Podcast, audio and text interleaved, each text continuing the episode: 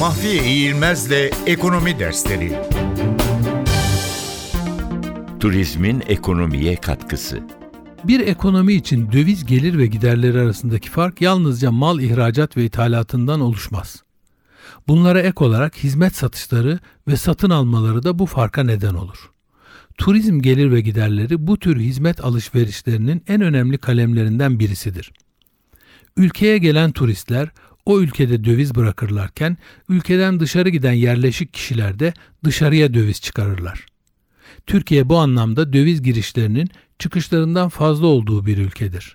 Bu çerçevede turizm geliri fazlası mal ticaretinden doğan dış ticaret açığını düşürerek cari açığın daha küçük çıkmasını sağlar.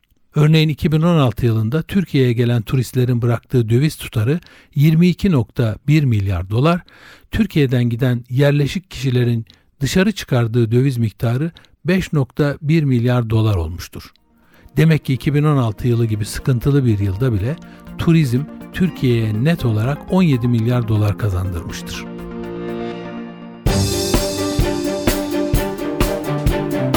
Mahfiye İğilmez'le Ekonomi Dersleri